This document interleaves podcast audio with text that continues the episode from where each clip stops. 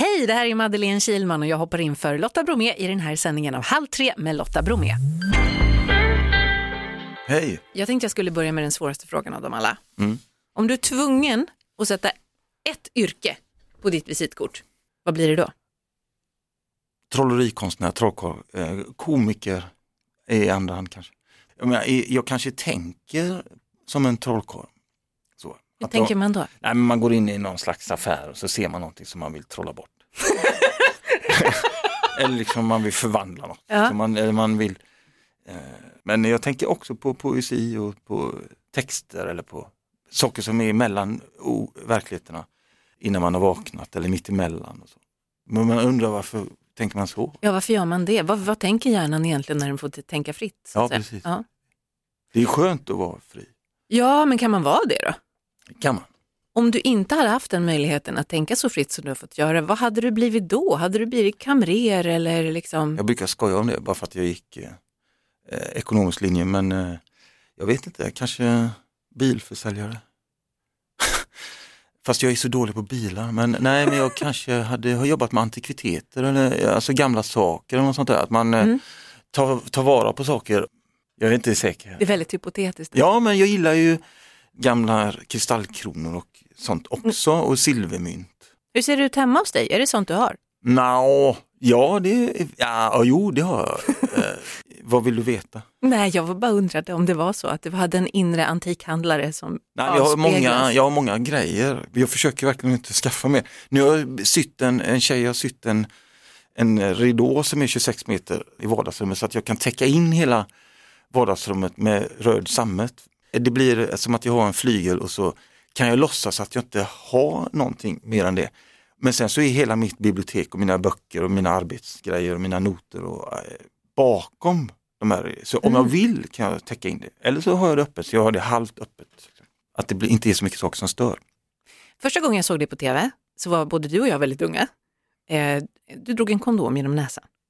Hur gammal var du då när du slog igenom med det? 20. Jag minns din energi. Det var ju därför man gillade dig lite också. Du var så himla, himla Ja. glad. Liksom, så. Ja, jo, men ja, det gillar jag också. Jag kommer ihåg att eh, jag var osårbar då. Mm. Det kändes som att man var så jäkla självklar. Och, så. och sen så kommer jag ihåg att det blev liksom tuffare när jag blev lite äldre. Jag tänkte på en sak där, apropå den här kondomen eh, som du eh, stoppade in i näsan, sög ut liksom, i svalget ut genom munnen. Du körde det på Bingolotto förra året. Och folk blev jättearga. Ja, men det är ju jätteroligt. Eh, jag tycker själv att det är äckligt. Eh, tänker, alltså, det, jag har gjort många grejer som har varit, eh, man undrar, eh, är det värt det? Men det är det ju då. Om man eh, vet varför man gör det. Vem väckte ditt intresse för trolleri? Det var min farmor som gjorde det. Hur gick det till? Hon tog en Ramlösa kapsyl och jag, nu har jag gjort en hel föreställning om det. Eh, eh, men hon tog den Ramlösa kapsylen, trollade bort den Mm. och sen så trollade hon fram den bakom örat. Och sen så trollade hon bort den igen och sen dess så letar efter den, s- säger jag då. Hur mycket hann hon, för hon, jag gissar att hon inte finns med oss längre. Nej, det, Hur mycket hann hon se av din karriär? jo då, hon var med till 95. Ja, då så. Så hon var med, jag kommer ihåg i Huskvarna 1991 med Janssons frestelser, en pjäs som Mm. gjorde. Och hon var, satt där i publiken och var, det var grymt. Det måste vara så häftigt för dig också, att hon startade det hela och sen så får hon se dig på scenen, älskad av så många. Ja, det var roligt. Det tyckte jag var kul, det var stort för oss. För hon, eh, hon var väldigt peppande. Så. Vad hette din farmor? Eh, Ingeborg Ingeborg. Häckner, astrolog, hon var spårdam, hon kunde spå folk. Hon gjorde det liksom i 50 år, tre gånger, tre gånger i veckan. Men hon kunde inte läsa folks tankar. Men hon övade på liksom. Hon övade på att få saker att sväva också. Det var ju vansinnigt liksom. De lyfte aldrig de här kristallkulorna. Men hon var jävel på att spå. Liksom. Spådde hon dig någon gång? Ja, massor. Vad sa hon då? Ja, det kommer gå så bra. Så. Ja, ja det är positiv. klart. Vi måste ju prata lite om din turné. Ja. Ja. Berätta. Eh, I för land heter den. En föreställning jag skrev när jag sov. Nej, vänta, stopp. Ja, jo, jag påstår det.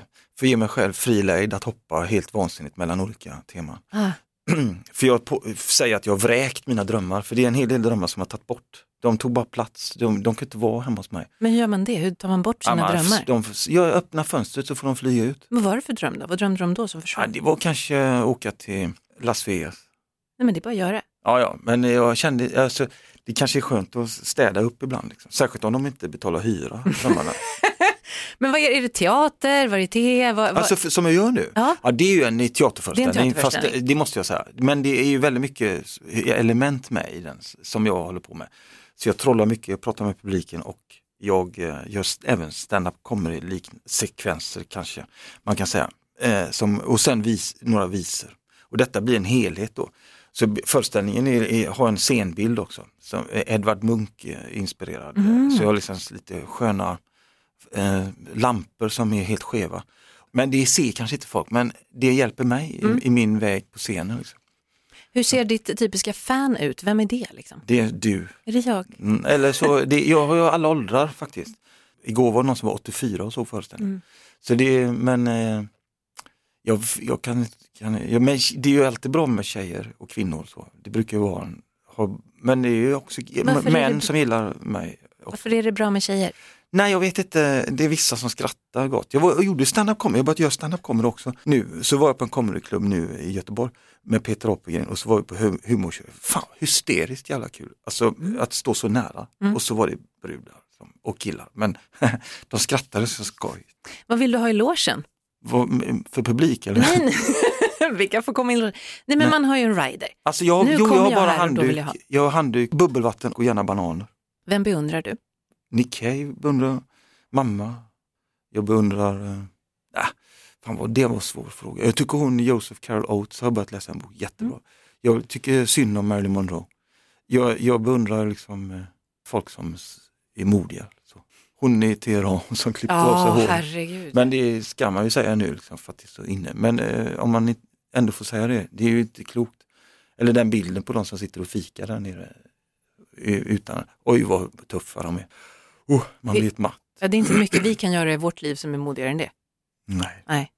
Vi pratade om att ditt trolleriintresse väcktes av att din farmor Ingeborg trollade bort en kapsyl. Hittade du någonsin den kapsylen?